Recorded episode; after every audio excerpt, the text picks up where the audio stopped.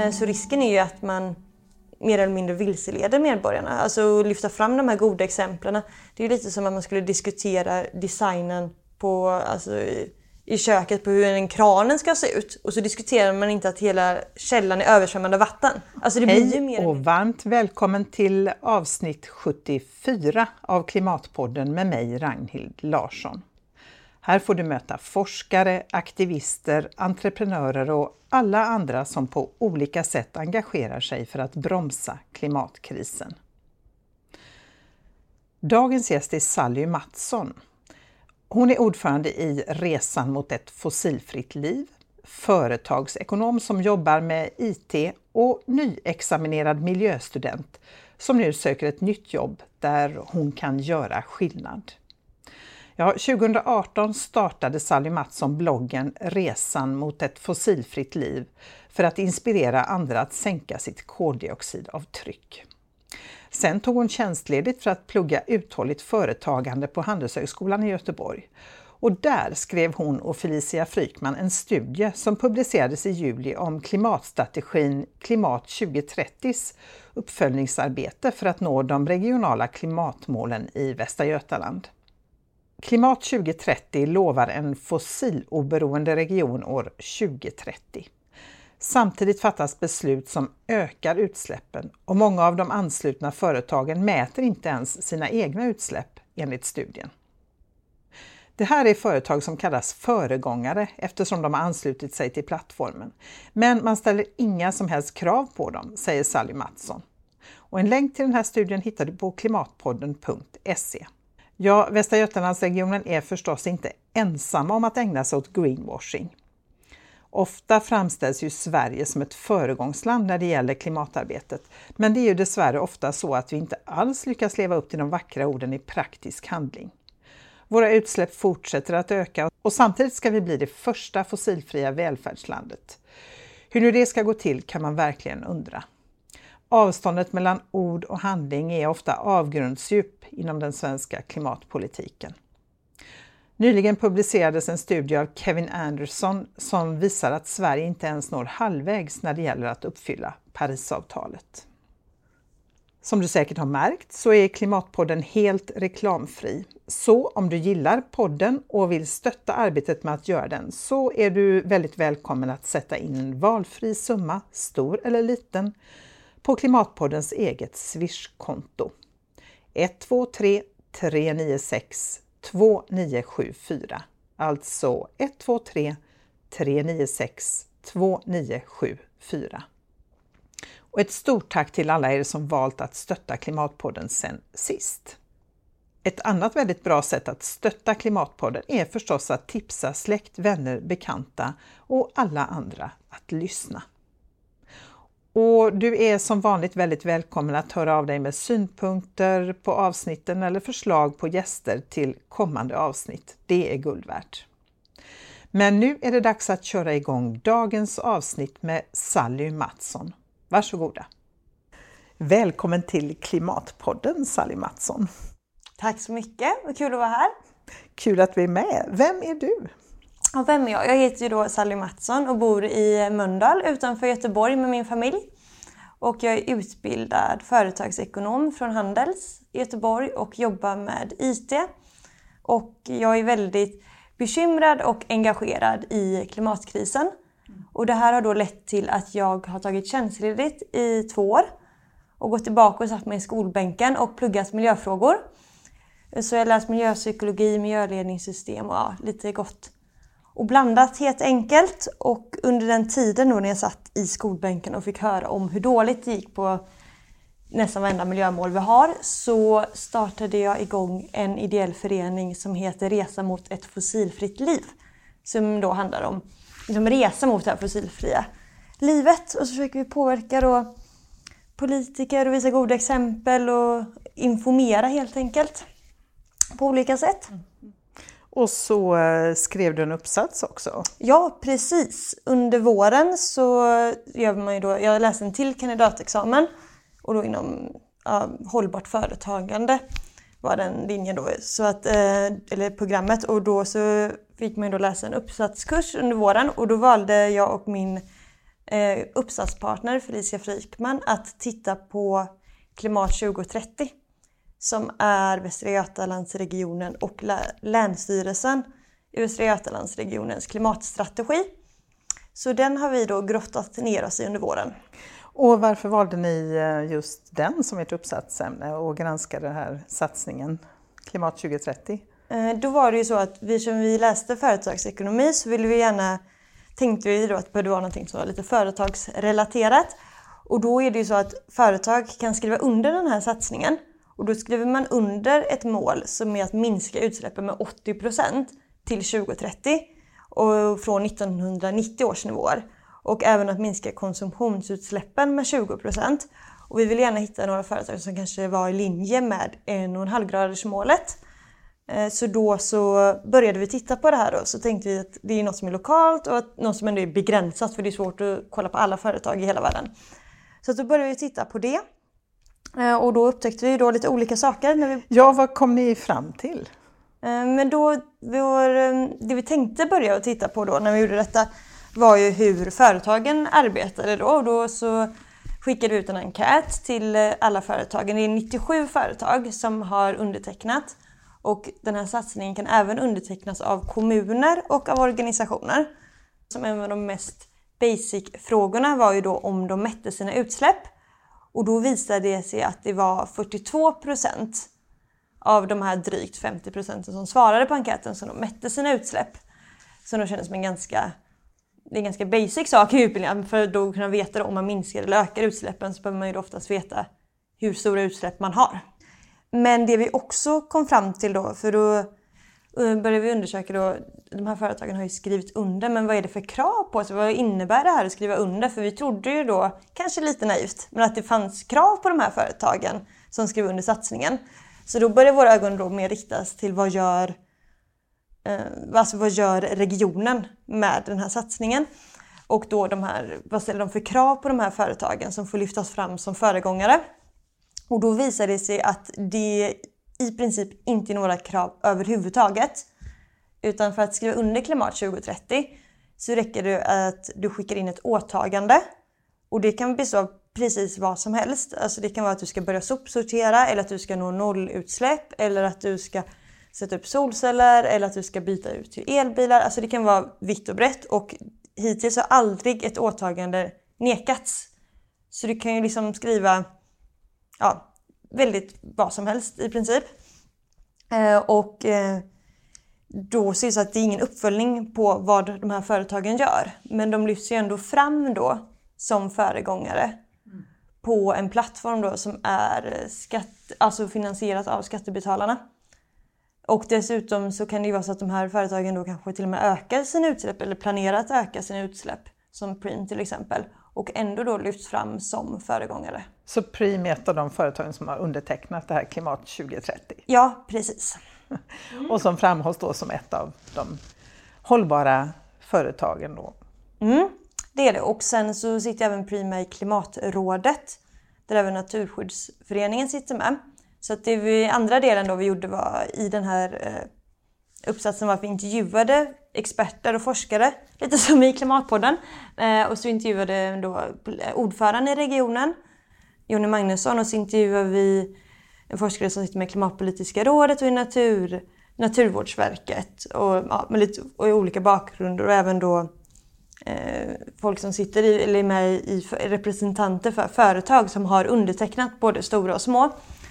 Och eh, de kan ju sitta med i det här klimatrådet och då i den, som en del av uppsatsen så har jag även intervjuat experter då, som, poli, som är, har någon form ja, synpunkt och få höra vad olika tycker om den här då, satsningen som regionen har. Och då intervjuade vi forskare från Klimatpolitiska rådet, experter på Naturvårdsverket och även politiker och tjänstemän som jobbar med den här satsningen och har beslutat om den.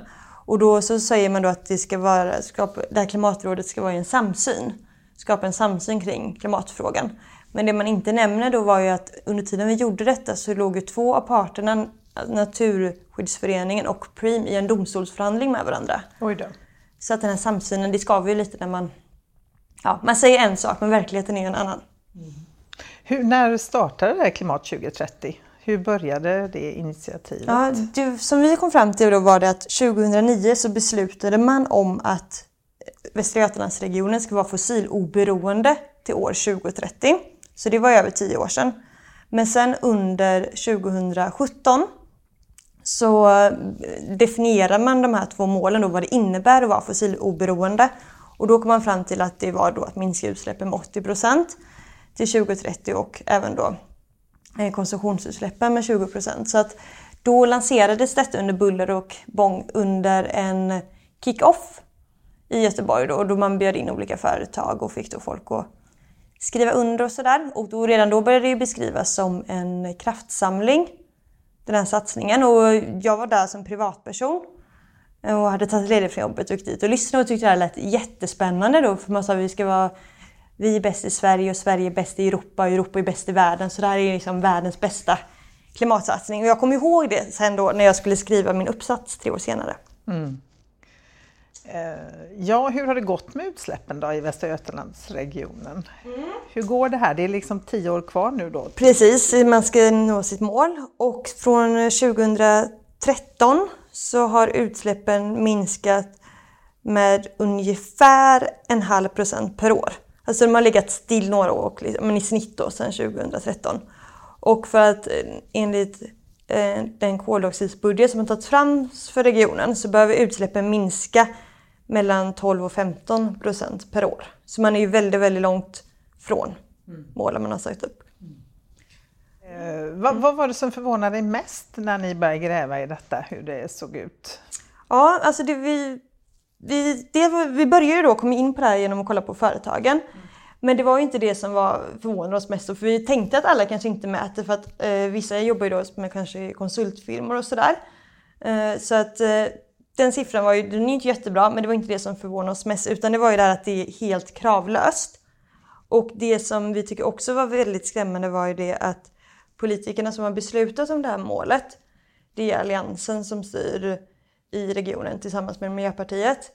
Samtidigt då som man då sätter det här höga målet, och det är ju absolut inget fel med att sätta höga mål, vi måste ju sätta höga mål om man då ska vara ett föregångsland som Sverige då sägs vara.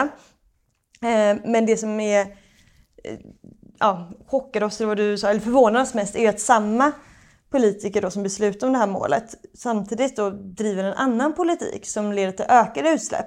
Och det vi hittade som var liksom det största exemplet på detta är ju den här transportinfrastrukturplanen. Mm. Väldigt långt ord. Från 2018 till 2029, så det är liksom bara ett år innan planen, alltså hela klimatmålet, klimat 2030, ska vara uppnått. Så då när man beslutar om det här målet, eller transportinfrastrukturplanen, så eh, visade det sig att när vi kollar närmare på det, så om man läser miljökonsekvensbeskrivningen som man gör då när det är så här stora beslut och stora planer, då visar, står det där i svart på vitt att den här planen bidrar inte till att nå målen. Utan eh, den bidrar till ökade utsläpp.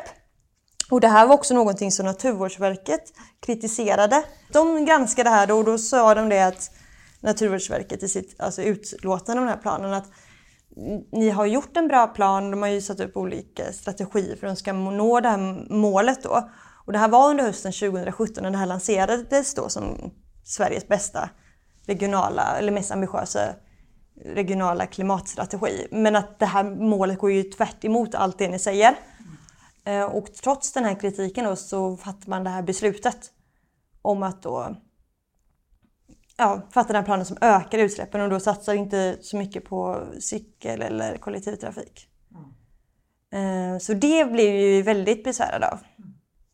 Och det som också är skrämmande tycker vi är att om man läser det här då, förordet till transportinfrastrukturplanen så står det så här att satsningen ligger väl i linje med vår ambition att investera i hållbara transportlösningar som ytterligare ett steg mot ett mer fossiloberoende transportsystem Beslutad regional plan innehåller en väl genombetad miljökonsekvensbeskrivning.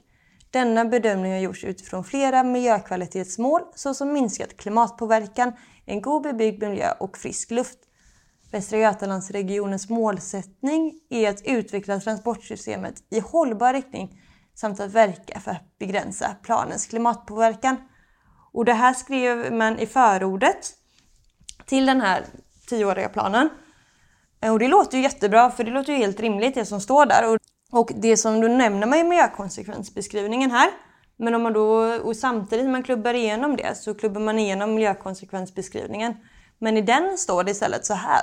Det är beräkningar som har gjorts utifrån Trafikverkets prognoser visar att varken planalternativet eller nollalternativet skapar möjlighet att bidra till uppfyllelse av klimatmålen då båda alternativen medför en ökning av utsläppen av koldioxid. Otroligt. Och det här, står liksom, det här står ju precis tvärt emot varandra. Så man säger ju en sak, i samma beslut står det något helt annat och ingen av de andra 148 ledamöterna i kommunfullmäktige reagerar, eller inte eh, i regionfullmäktige reagerar på det här. Hur förklarar du det? Nej, jag kan inte förklara det. nej, jag, nej, jag vill eh, höra av mig till dem och fråga hur de förklarar det. Nej, jag vet inte. Nej.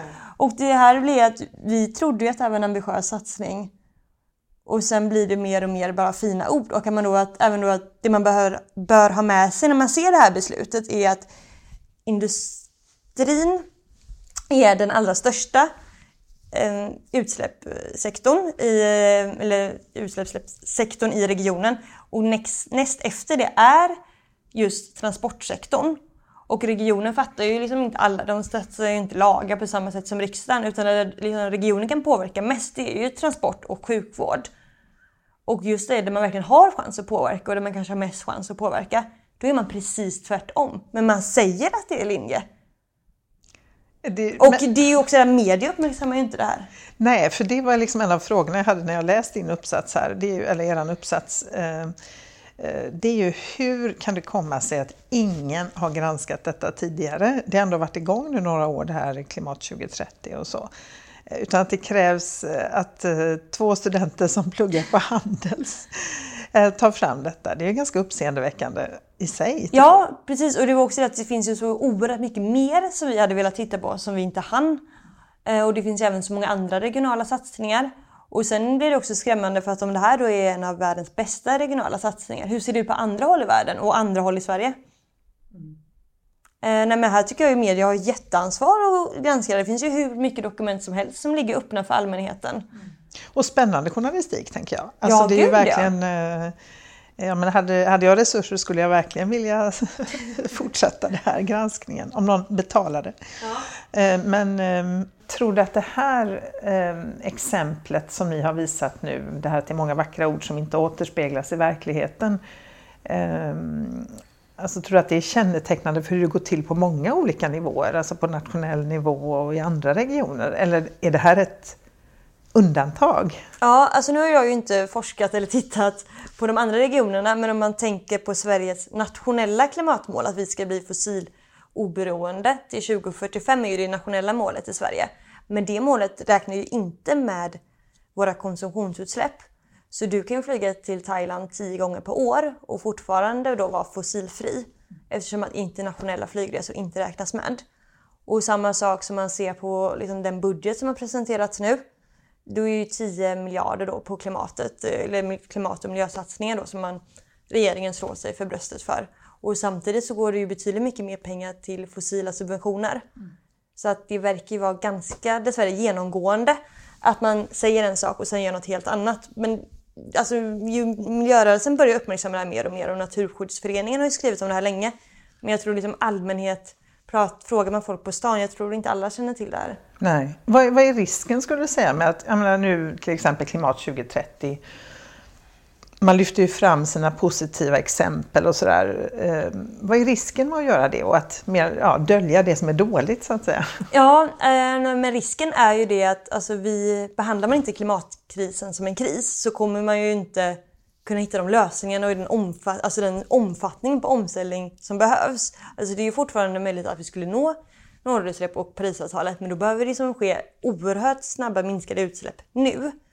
Och även om man inte når det så kan man ändå liksom nå utsläppsminskningar och vi, och vi kan fortfarande minska vårt fossilberoende. Men det måste ju ske saker nu. Så den stora risken är att man vilseleds och förlorar oerhört värdefull tid. Mm. Och att det här liksom, Regi Klimat 2030 kallar ju det här för en kraftsamling. Och då är det ju 97 av 194 000 bolag i regionen som har skrivit under. Och om du går in där, jag trodde ju också att det här var en bra satsning. Jag satt i publiken 2017 och man stod på scen och sa Åh, nu ska vi verkligen, nu ställer vi om.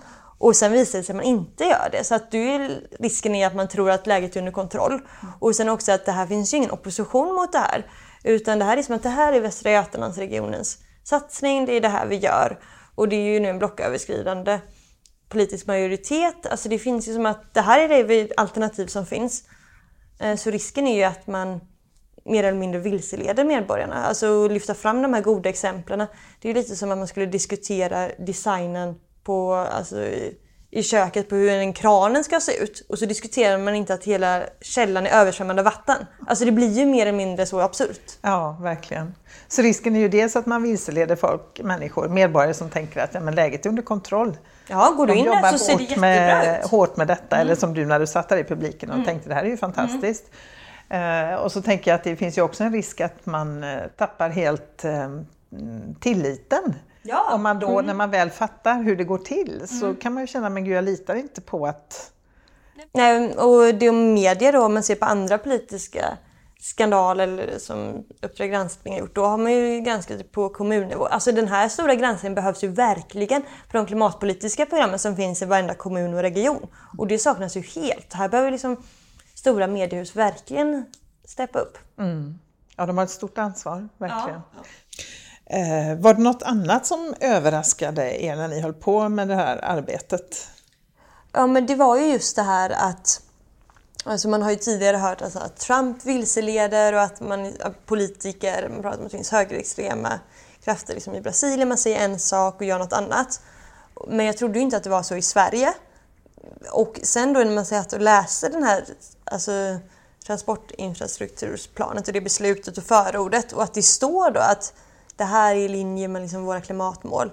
Och sen alltså i samma beslut i miljökonsekvensbeskrivningen så att det inte är det och att ingen reagerar på det. Alltså jag kommer ihåg att jag satt hemma och läste det en kväll eh, och precis hade nattat och liksom jag fick gåshud av obehag. Alltså jag trodde inte att det var så illa. Jag kanske har varit naiv men det är verkligen det att det här måste ju lyftas. Alltså politiker säger en sak och gör något annat. Och det är livsfarligt för förtroendet för vår demokrati. Du, hur har reaktionerna blivit på eh, er uppsats, det ni kom fram till här? Det är ganska eh. uppseendeväckande onekligen. Jo, men Dagens Industri har lyft den och Supermiljöbloggen. Och efter det så har ju ordförande i regionen inte velat svara på några kommentarer. Eh, så att där har det varit locket på. Och sen så har väl de tjänstemän som intervjuat, de har uppmärksammat det här på Klimat 2030s hemsida. Eh, just den här artikeln som Dagens Industri skrev om uppsatsen. Eh, och då så skrev de att de uppskattar att det är en blåslampa men att det här inte behöver motsätta sig. Att liksom att, ja, man får väl läsa svaret själv där men ungefär var väl innebörden, som, innebörden här som jag förstod det att liksom, vi vet att det är bråttom men det behöver inte motsätta sig att vi fortfarande är en kraftsamling. Och det blir lite konstigt för att det enda som räknas är om utsläppen minskar eller inte. Och då kan vi, vi lura oss ju bara oss själva och då får vi väl vara ärliga och säga det att vi når inte de här målen. Vi måste, eller då så får väl politikerna i regionen säga att vi kan inte med de mandat vi har lösa detta. Då får väl de gå ut och säga att om Preem får godkänt i det här, då kommer liksom vårt klimatmål inte nås. Mm. Och det säger ju då eh, tjänstemän då från Länsstyrelsen. Just det. Men det, så transparent är man ju verkligen inte. Nej. Men den senaste konferensen då i december 2019, då var ju ändå rubriken liksom att det är tio år kvar, varför har vi inte nått längre? Så där fanns ju en viss eh, självkritik ändå. Mm. Ja. Även om det också då lyftes fram eh, ju flera positiva exempel. Ja. Och det är, det är klart att det är ju så att alla regioner är inte samma. Alltså vissa företag gör ju jättebra saker. Och många av de här företagen, för alla svarar inte på enkäten direkt, så vi ringde upp dem och många av dem var ju liksom, ville ju själva ha mer krav. Och de, de tog själva upp att det fanns en risk för greenwashing om det inte är några krav, att det blir Eh, alltså på de företagen som står där. Mm. Men sen ser jag också att det kan vara risk att eh, som medborgare så hålls vi liksom utanför. Eh, det här att vi läste också, eh, Länsstyrelsen har gjort en rapport som heter, ska se här, um, alltså klimat och sårbarhetsanalys och myndighetsmål.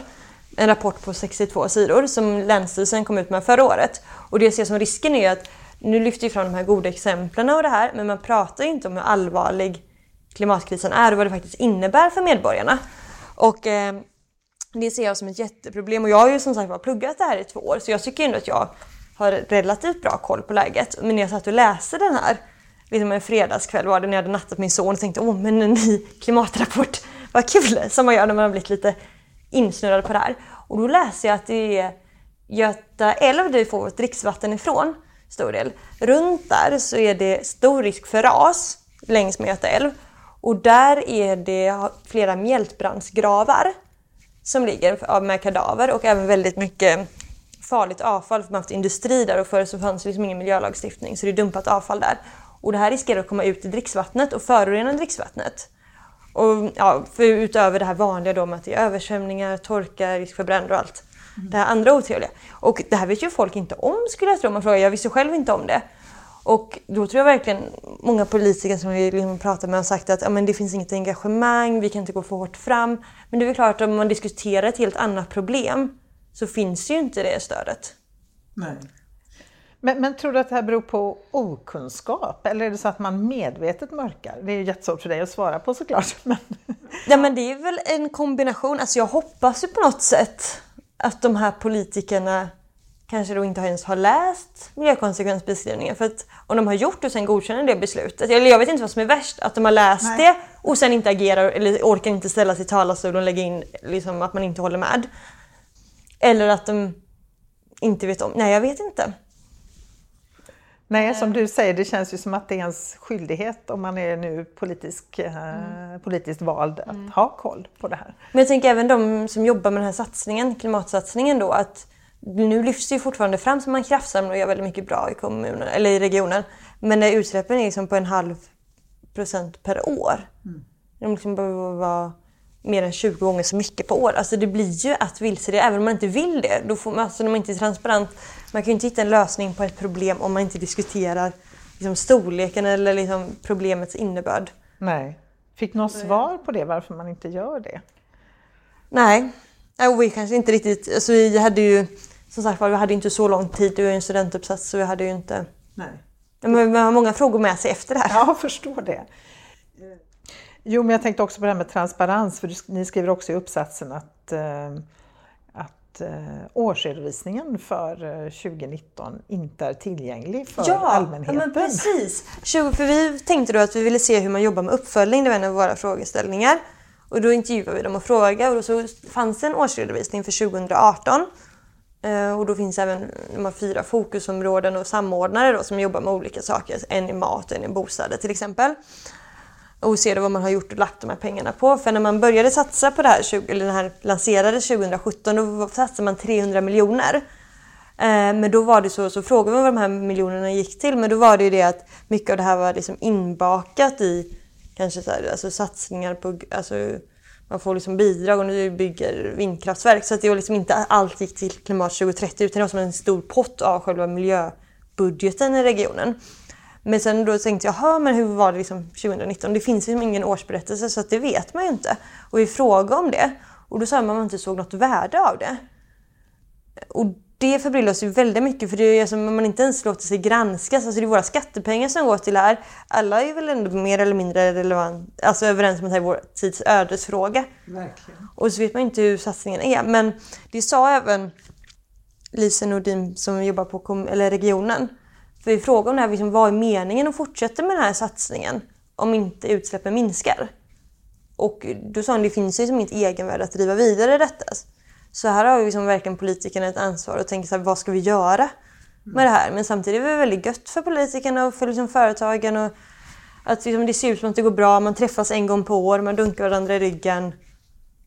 Och så kanske man kan vara nöjd. Alltså, jag vet inte. Ja, då blir det lite klubb för inbördes beundran på något sätt. Ja, men det, ja, dessvärre. Ja, men verkligen. Och sen var det också att vi är många små konsultföretag som vi såg på den listan som var med som säljer gröna tjänster. Mm. Kanske olika, alltså, och så är det ju stora utsläppare med. Så vi tänkte att i det här på skattebetalarnas pengar liksom ett litet mingelmöte. Alltså de som vill ställa om och de som liksom kan bidra tjänster. Alltså, ja. Mm. Men vad gör, vad gör Klimat 2030 då? Vad, jag menar man ordnar den här konferensen då men eh, det är ju en gång om men året. De har ju workshops då. Eh, nej men och sen, vi vet inte hur de gör 2019 för det har inte redovisats. Men man har ju då träff... nu ska de satsa på kommunerna nästa år för de var väl de som mest vilja och då kan jobba kanske enhetligt. Men nu var ju inte riktigt det vår frågeställning så att det finns mer att bita i. Men jag kan inte exakt svara på vad man gör. Nej. Hur många, vet du ungefär hur många det är som jobbar med detta då? Tjänstemän på? Eh, jag tror det är två som jobbar med det här. Eh, och sen vet jag inte liksom hur stor andel av deras arbetstid de gör det. Sen har de med konferensen och då är många inblandade. Sen finns det då fyra klimat... Eller man finns ju fyra fokusområden och fyra samordnare. Så de jobbar ju också med det, mer eller mindre deltid. Så att det är... Mm. Ja, det är ju ett gäng som jobbar med det. Mm. Mm. Men vad, vad krävs för att, uh, att vi ska ha en chans att nå våra mål då, som vi har satt upp om att uh, bli uh, fossiloberoende mm. 2030?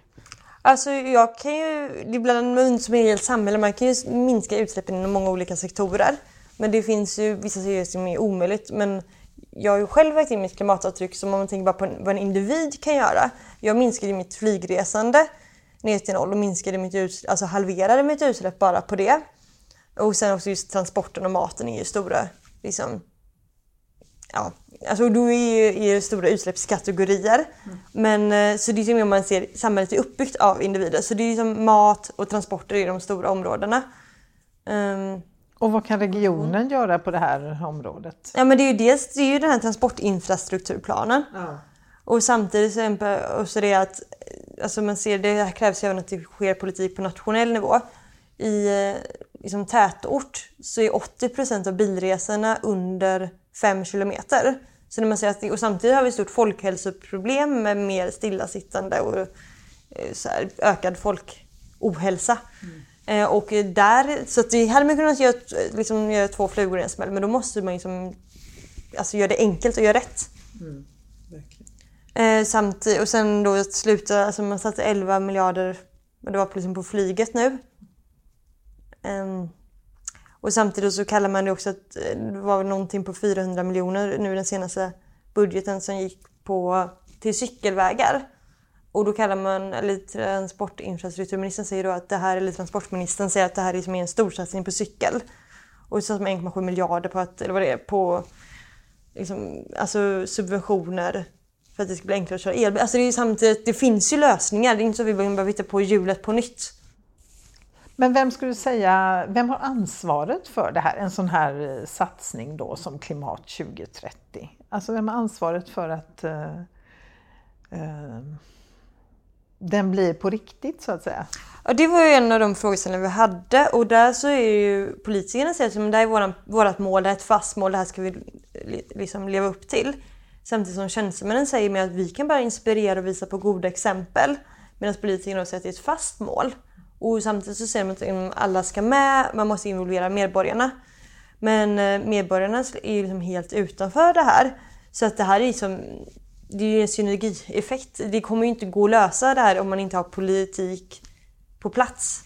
Nej. Och de politikerna kommer inte finnas på plats om det inte finns många medborgare som vill ha de politikerna på plats. Nej, och då krävs det att medborgarna, vi som medborgare har kunskap om vad är riskerna ja, och, och, hur ser krisen ut här Exakt. och kommer, hur kommer klimatkrisen att påverka vår region till exempel? Ja, om man tänker, den tycker jag, till exempel den här rapporten jag läste då, det är ju som, som Länsstyrelsen har gjort om hur regionen påverkas. Vi har ju fått den här rapporten om när kriget eller krisen kommer. Och det är väl Extra som gjort någon här, en twist på den, när klimatkrisen kommer. Just det, Extinction Rebellion ja. har gjort en sån. Ja, precis. Och då så hade man ju kunnat, alltså som jag tänker att myndigheterna har väl ett ansvar, de vet ju att liksom, det är risk för vårt dricksvatten, det är risk för översvämningar. Till exempel Uddevalla var ju helt översvämnat och översvämning i Kållered, i Åsa. Alltså vi vet att vi påverkas redan nu vid 1,1 grads uppvärmning och vi vet att liksom, det kommer ju bli mer påverkan. Så att då tycker jag att myndigheter de informerar ju massa olika saker att informera medborgarna. Nej, men det som krävs också är att man, liksom, den politik man för är i linje med de mål man har. Alltså på riksnivå så har man gjort så att man har det klimatpolitiska rådet som tittar varje år. Eh, och, sen, och, och, så ska varje regering göra en, politik, eller en klimathandlingsplan för man ska leva upp till det här klimatmålet 2045. Vilket i sin tur då inte riktigt lever upp till Parisavtalet eftersom 60% av våra utsläpp inte är med. Men om vi då bortser från det, det är ju där som, då tittar man ju ändå på hur alla politiska åtgärder ska leva upp till det här målet. Och det är som att all politik ska bli klimatpolitik. Mm. För att liksom, det är den finansiella politiken också, all bostadspolitik, allt påverkar ju eftersom allt vi gör ger utsläpp mer eller mindre. Och där har man behövt något liknande på regional nivå. Och framförallt är ju också det att den här, det som Klimatpolitiska rådet gör, det blir en tjock rapport som man själv då sitter och väntar på att den ska släppas. Men det är ju inte så att det dunkas upp rubriker på dagstidningarna. Så att eh, man, eh, vissa säger att det här är liksom världens hårdaste klimatlag. Det är det ju inte alls. Alltså de kan ju bara säga att ni har underkänt. Det händer ju ingenting. Och sen händer ingenting. Nej, nej så där behöver det vara en, det som krävs för att den lagen ska vara världens starkaste är att sin opinion som så vrålar på gatan. Och jag menar förra året i september var det 60 000 på gatan i Stockholm och 10 000 i Göteborg med Fridays for Future. Och det var ju inte så att politikerna gick ner och lyssnade på folket då om man säger så. Och jag tror aldrig vi har haft så stora protester. Nej. Vad, vad tror du krävs för att politikerna ska lyssna då? Ja, oftast det som krävs om man ser historiskt sett så är det ju att det är väldigt många som vill ha en förändring. Oftast blir man ju även, det var ju som när man ville ha allmän rösträtt och att kvinnor skulle ha rösträtt, att då blir man ju kallad, alltså hånades ju först och sen fick man med sig några och sen gick det snabbare. Det finns ju vissa politiker, även i riksdagen, som är mer medvetna än andra. Så att du, sen är det väl att försöka uppmärksamma frågan på hur många sätt som helst och även att medier då eh, liksom engagerar sig och även att kändisar engagerar sig som har oerhört stora plattformar. Mm. Och att man pratar med sina nära. Ja, Mm. Det är ju ingen som vet för vi har inte löst det. Det Nej, finns ju inget det. facit. Nej, hade vi löst det hade det varit himla fint om vi visste exakt ja, hur vi skulle göra. Så här ska vi göra. Men om man ser historiskt på andra historiska um, förändringar. Även fredlig civil olydnad har ju oftast varit en del av stora samhällsförändringar. Mm. Hur, eh, hur påverkar du eh, din omgivning? Alltså hur, hur, reagerar, eh, hur reagerar din omgivning på ditt engagemang i klimatet och så? Ja, alltså jag har ju då eh, anordnat sådana här invägningsträffar då. Eh, för, som en del i resan på ett fossilfritt liv. Så jag vägde in mitt eget utsläpp och då bjöd jag in nära och kära och bekanta och då var ju även vissa träningskompisar jag bjöd in som jag absolut inte trodde var intresserade. Och några um, olika klasskompisar och sådär. Så då tog jag med så att alla fick väga in och så hade vi sådana som en klimatkväll då. Så vi vägde in våra klimatavtryck och så träffades vi ett år senare. Och då har det påverkat, alltså som jag pratar om det här ganska mycket, så har det påverkat min omgivning. Jag har eh, ätit vegetariskt på grund av klimatet, eller tack vare i fem år. Och det har ju påverkat min omgivning också. Och nu har ju som stora delar av min familj och släkt slutat flyga eller tagit ett flygfritt år. Så att det, det går ju att påverka om man liksom pratar med människor men det är ju ganska jobbigt, man är ju ganska obekväm. Mm. Eh, så att det är ju absolut och samma sak, det blir också det att man blir tacksam att skämta med. Um, så att man sitter med vänner på någon middag och sådär. Men det är lite som att när man själv kanske ifrågasätter något beteende. Och de flesta i min generation och framförallt generationerna innan är ju också uppvuxna i en väldigt så här, fossiltung livsstil. Och om man börjar ifrågasätta den så blir man ju själv kallad liksom för den som är glädjedödare istället för att liksom påverka att det vi gör faktiskt i slutändan dödar liv. Mm. Ja, jag tänker att det är väldigt svårt just för alla oss som har vuxit upp i den här eh, fossila, det fossila samhället. Mm. Alltså att tänka om därför att allting har varit så styrt av det. Alltså du ska jobba mycket och tillväxtekonomi, liksom, evig tillväxt som någon sorts mantra. Där du ska jobba mycket, konsumera mycket, resa mycket. Mm. Det har gett status och så kommer någon och säger men det där är helt mm. fel, sluta med det. Eh, och det är klart att då blir det liksom ett ifrågasättande av allt det man kanske har trott på och jobbat för. Ja men gud, jag hade ju också massa drömmar. Jag skulle liksom flyga och resa man fick, och jag skulle liksom ha två hästar drömde jag om. Jag skulle ha massa sådana här fossiltunga drömmar.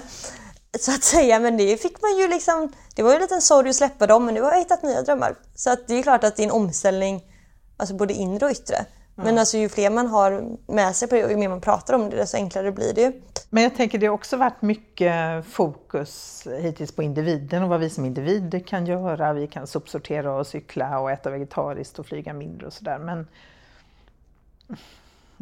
det är ju ändå inte det som kommer att rädda världen. Alltså det krävs ju förändringar mm. på systemnivå. Så att frågan är ju hur når vi dit? Ja absolut och jag, ser ju, alltså jag har gjort stora personliga förändringar och pratat högt om dem men jag ser ju det som en del att påverka politiken. För när jag pratar med andra, men jag liksom slutat flyga eller att jag börjar köpa kläder second hand istället och sådär. Då ser det som en politisk handling. Jag förstår att det alltså släpper ut som medelsvensken 10 ton per år. Vilket många som är klimatengagerade kanske släpper ut lite mindre än det.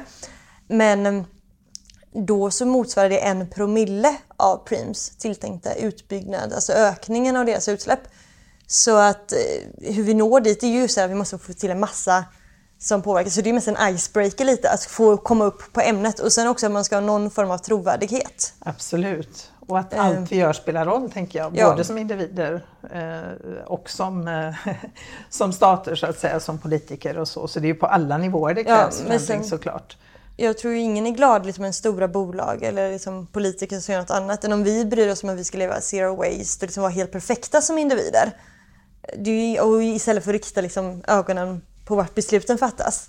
Det är ju ingen som blir gladare än de som liksom, då slipper de en granskning som till exempel den här granskningen av Klimat 2030 och andra regionala satsningar. Jag förstår liksom inte att det inte har lyfts innan. Jag hade jättegärna velat sitta på och, titta och kolla närmare på liksom andra regioner och kommuner. Mm. Så att det behöver liksom vara både och. Och dels så är det väl också det att om man är van att se resultat av sitt arbete så är det ju här en väldigt, väldigt jobbig fråga att eh, jobba med eller engagera sig i för man ser ju nästan inga resultat. Det är något beslut som det här med fossilgas eh, och sen med ojnade skog. Alltså det är ju vissa små strider som vinns hela tiden runt om i världen. Men utsläppen ökar ju fortfarande likt förbannat höll jag på att säga. Eh, så då kan det bara vara skönt att om man då se på individ att det faktiskt går och utan att världen krackelerar. För oftast målas det upp som en värld om att eh, alltså vi kommer ställa om, det kommer gå tillbaka till stenåldern, hur kan du tro på det här? Men om man själv gjort den förändringen då är det lättare att stå upp för den och säga att Nej, men jag kanske jobbar mindre, jag köper mindre prylar men jag har mer tid till min hobby eller till min familj eller till vad man nu tycker är roligt. Då blir det liksom enklare att se att det faktiskt finns en väg. Mm. Använda sig själv som en liten försökskanin. Mm. Verkligen. Nej, men jag menar, det argumentet eh, fördes ju fram bland annat eh, på senaste Klimat 2030, deras konferens där, där Svante Axelsson sa att Nej, men vi kan ju inte sälja in det här om vi säger till alla just att eh, ni måste tillbaka till ett stenåldersliv. Nu är det ju ingen som har påstått det. men eh, jag menar, det kan ju inte vara, alternativet kan ju inte vara att greenwasha allting och säga att det är mycket bättre än det är, för då skapar man ju liksom ingen krismedvetenhet. Nej, jag funderar mycket på det där. Det finns ju många ledande forskare. Alltså Kevin Anderson är en som har slutat flyga. Men vissa som säger att vi ska flyga mindre eller så. Och då kanske då tycker jag fortfarande att det är en del att vilseleda, tyvärr. För att i Sverige så flyger vi liksom betydligt mycket mer än världsgenomsnittet.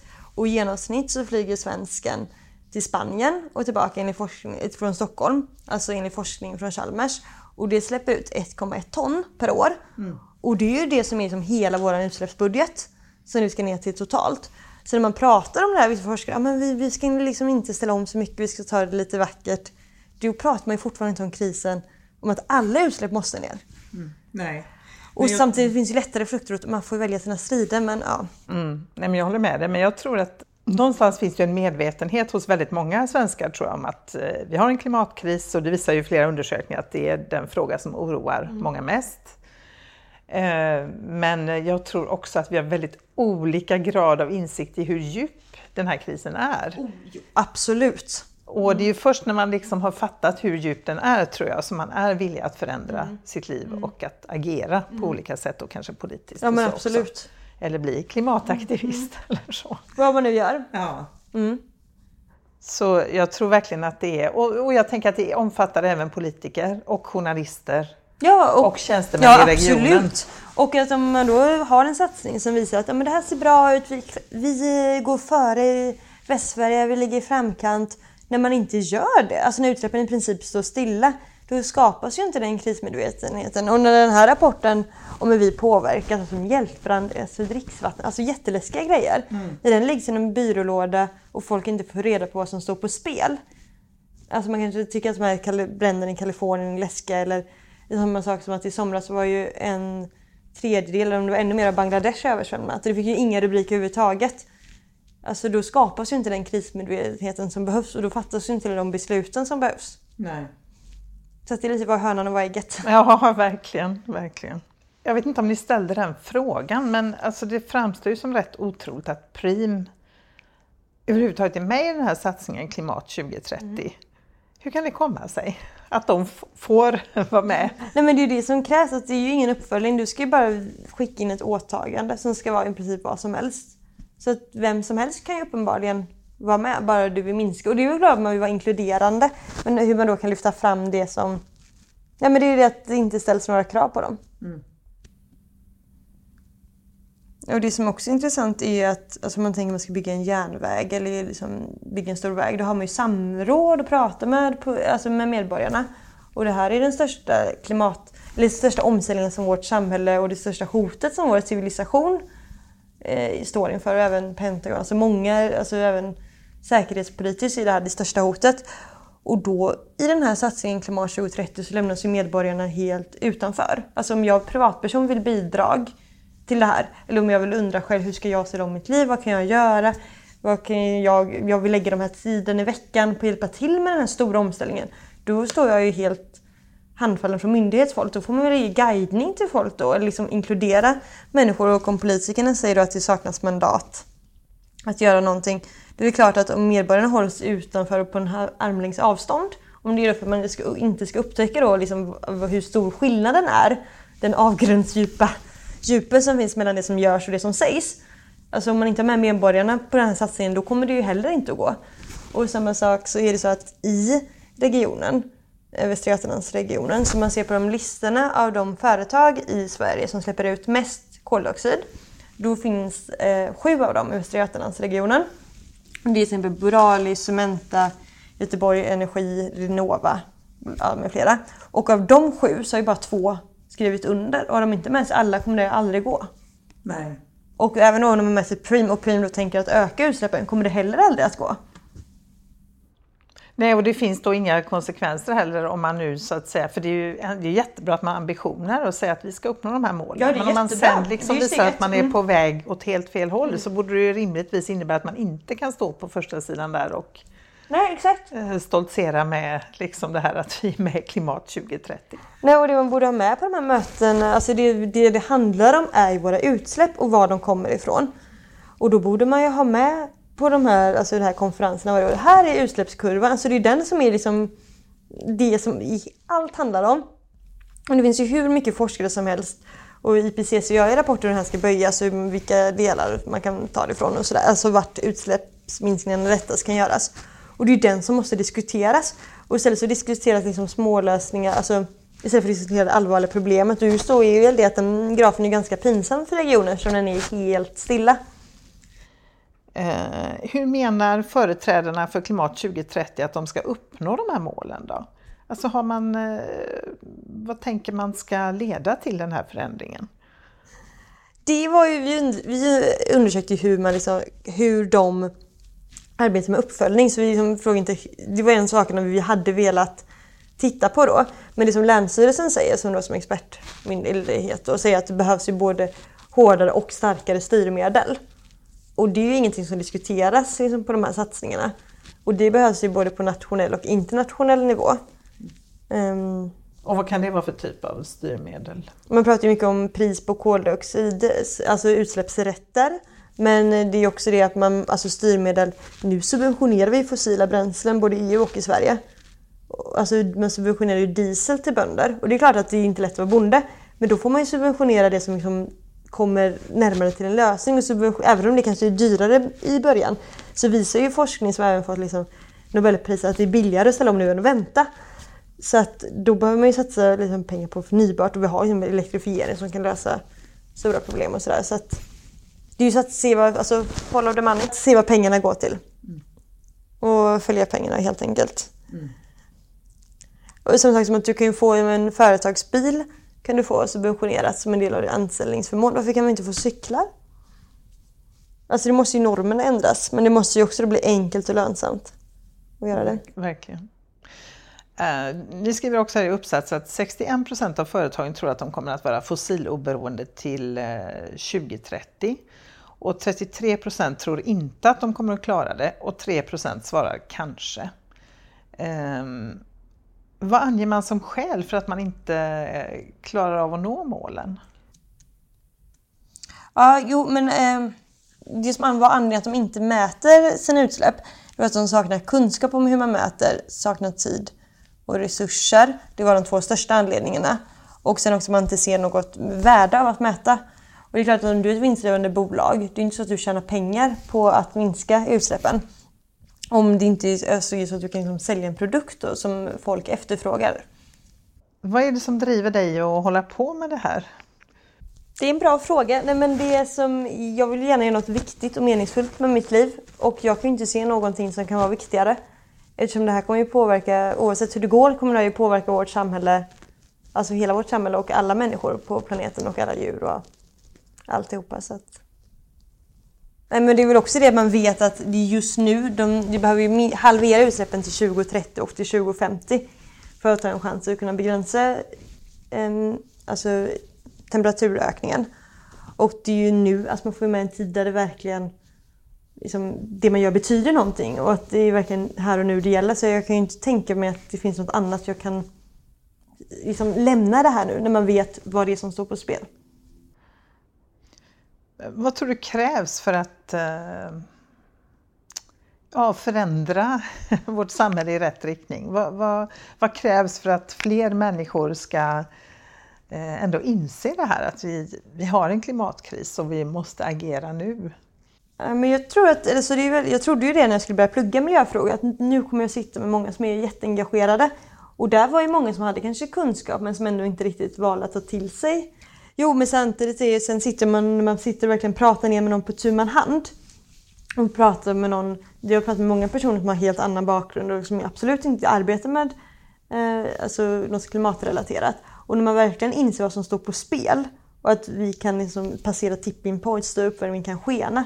Och man pratar ju om miljontals, alltså hundratals miljontals klimatflyktingar. Man pratar om att vi kanske inte har dricksvatten, alltså klimatflyktingar inom Europa. Eh, och även det att det kan ju bli om permafrosten eh, alltså fortsätter med sin eskalerande eh, alltså smältning och det släpps ut metangas. Och även att Amazonas och att havet, alltså istället för att bli kolsänkor, att de släpper ut kol. Att ut, alltså vi kan nå hot house earth, earth med över 4 grader. Alltså då tror jag att då, alltså antingen så blundar man väl och låtsas att man inte hör det eller så försöker man göra allt man kan för att försöka göra något åt det. Och sen finns det också väldigt, väldigt många som jag har pratat med som är oroad och engagerad men inte vet vad man ska göra. Men om det hade kommit stora politiska reformer som man bygger folkhemmet fast det gröna folkhemmet eller något liknande. Då tror jag att det finns väldigt många som vill göra något. Men jag vet inte, det är ju att man behöver någon tydlig ledare. Jag vet inte. Mm. Men vad är ditt råd då till den som känner den här oron, ändå har liksom någon sorts mm. insikt men inte vet vad de ska göra? Nej men eh, mitt råd är väl att kanske se på din tid och ditt liv, vad du gör med din tid. Jag säga att du kanske tittar x antal timmar på TV varje vecka eller x antal timmar med ja, vad du nu gör. Och dels är väl det då att se, avsätta x antal, för allt handlar ju om tid i slutändan med det vi gör. Eh, och avsätta visst antal tid till det här. Alltså det kan vara någon dag per vecka eller månad eller hur du nu lägger upp det själv och då se till att göra någonting och då göra det tillsammans med andra. Det finns ju fantastiska organisationer. Det finns ju alltså Naturskyddsföreningen, det finns eh, Greenpeace man kan stötta ekonomiskt, det finns eh, Extinction Rebellion om man vill gå det hållet, Jordens vänner. Det finns ju jättemånga och då kan man ju se vad som passar en själv. Eller engagera sig politiskt i något av alla partier som alla behöver bättre klimatpolitik. Det här är ju som ingen höger och vänsterfråga som vissa vill få det till. Och verkligen sätta ner tid och försöka göra någonting och samtidigt då dels så att inventera sitt eget liv och se vad man själv har sina största utsläppskällor. Men just det att det räcker ju som du säger inte att man bara gör det här. Jag hade kunnat sluta flyga och inte prata om det. Då hade det ju inte gett någon effekt alls utan att då göra någonting tillsammans och prata och försöka nå ut till fler. Mm. Och det är väl det som är så väldigt tufft med den här frågan. Att jag har liksom försökt göra, göra allt jag kan så att säga. Och man ser fortfarande knappt några resultat. Och därför är mitt råd att göra det tillsammans med andra. Avsätt en tid och liksom försöka jobba ihop, kanske engagera sig i en sakfråga, liksom granska hur ser det ut i din kommun? Vad gör politikerna där? Hör av dig till dem. Mm. Jag tror verkligen det är en nyckel det här du säger, att göra tillsammans med andra mm. så att man inte känner sig så ensam. Nej. För det ger ju väldigt mycket kraft och energi att jobba tillsammans med andra mm. och prata tillsammans med mm. andra. Sen kan det vara svårt tycker jag att vara i den här bubblan då av de mm. som är klimatmedvetna så att säga, eller medvetna om krisen mm. Och att sen vara utanför den bubblan. Ja men det är som två olika verkligheter man lever i. Och det är ju något som jag brottas med också. Alltså ibland pratar man att det här är det mest akuta vi gör och sen går man ut och det är livet precis som vanligt, som att det var en mardröm man hade. Mm. Och samtidigt måste ju livet fortgå. Ja, ja. Eh, det är också, jag menar, du har barn mm. och eh, du eh, ja, vill ju såklart spendera tid med honom. Ja, men precis. Nej, men det är och göra vanliga ja. saker och kunna njuta av vardagen mm. också. Ja. tänker jag. Det måste man ju också kunna få göra. Nej, men det är därför också det här engagemanget på något sätt måste bli hållbart. För det här är ju någon fråga som vi kommer få leva med resten av vår livstid. Och att då inte alltså, göra ett sätt som man kan göra det här länge och försöka ha roligt samtidigt. Det var ju väldigt, även om jag blev rädd så var det ändå roligt att läsa de här rapporterna och försöka sätta sig in i det. Mm. Och jag vill ju också verkligen hitta ett jobb där jag kan bidra till någon lösning eller vara en del av lösningen. Också försöka hitta något så jag kan göra något med det här. Men, mm, nej, men rådet är också att, det är att okunskapen är så extremt hög. Och det är ju inget konstigt att den är det när det står att man kraftsamlar, alltså man bara ser på Klimat 2030 eller man hör den politiska debatten. Vi ska bli första fossilfria välfärdslandet. Och liksom, det är bara att kolla vilket hushåll som helst hur mycket produkter man har som är importerade från Kina eller något annat land eller liksom hälften av våra mat eller mer som vi äter. Och då skulle det liksom inte räknas med. Som Greta Thunberg brukar prata om att det är clever, accounting. Så att om man liksom tycker det är spännande med så här serier på Netflix, alltså lite så här följetonger och att det är lite mystik. Det finns ju liksom ingen mer intressant fråga att ägna sig åt. Och vad ger dig kraft och energi då att fortsätta? Ja, det undrar jag också ibland. För att det hade varit så enkelt att bara liksom, att inte göra något åt det. Eller bara fortsätta för jag hade ett jättebra liv innan och liksom, ja. Men det som är att när jag vet om vad som står på spel, det finns liksom inget alternativ. Eh, och man vet hur bråttom det är. Så att alltså, det här är ju oftast det första jag tänker på på morgonen eller, och det sista om man sitter och scrollar nyheterna tänker man varför skriver de inte om det här eller med de här vinklarna eller och just att det händer ju mer och mer saker, extremväderhändelser och politiska händelser. Mm. Så att det är ju det att om man har liksom barn och eh, det finns liksom inget annat alternativ än att engagera sig som jag ser det. Och även om man inte har det, alltså barn själv eller så, så är det ju även det att folk dör ju av alltså extremväderhändelser redan idag. Vi i Sverige kommer inte förskonas för detta. Så det är även för ens egen skull eftersom att det är nu vi har tid att, ja, lite tid beror på, det vet ju ingen att göra någonting. Bra slutord tycker jag. Ja, tack. Tack så hemskt mycket för att jag fick sitta här och prata med dig, Sally. Ja, tack för att vi fick komma hit.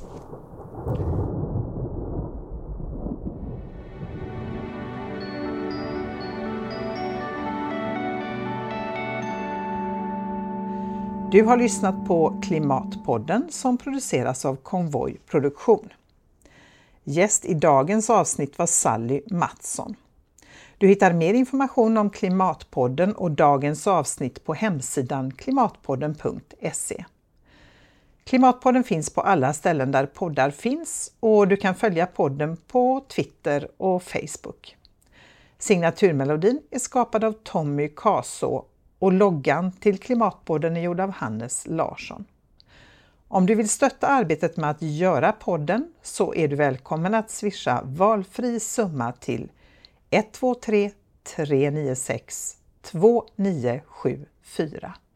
Alltså 123 396 2974.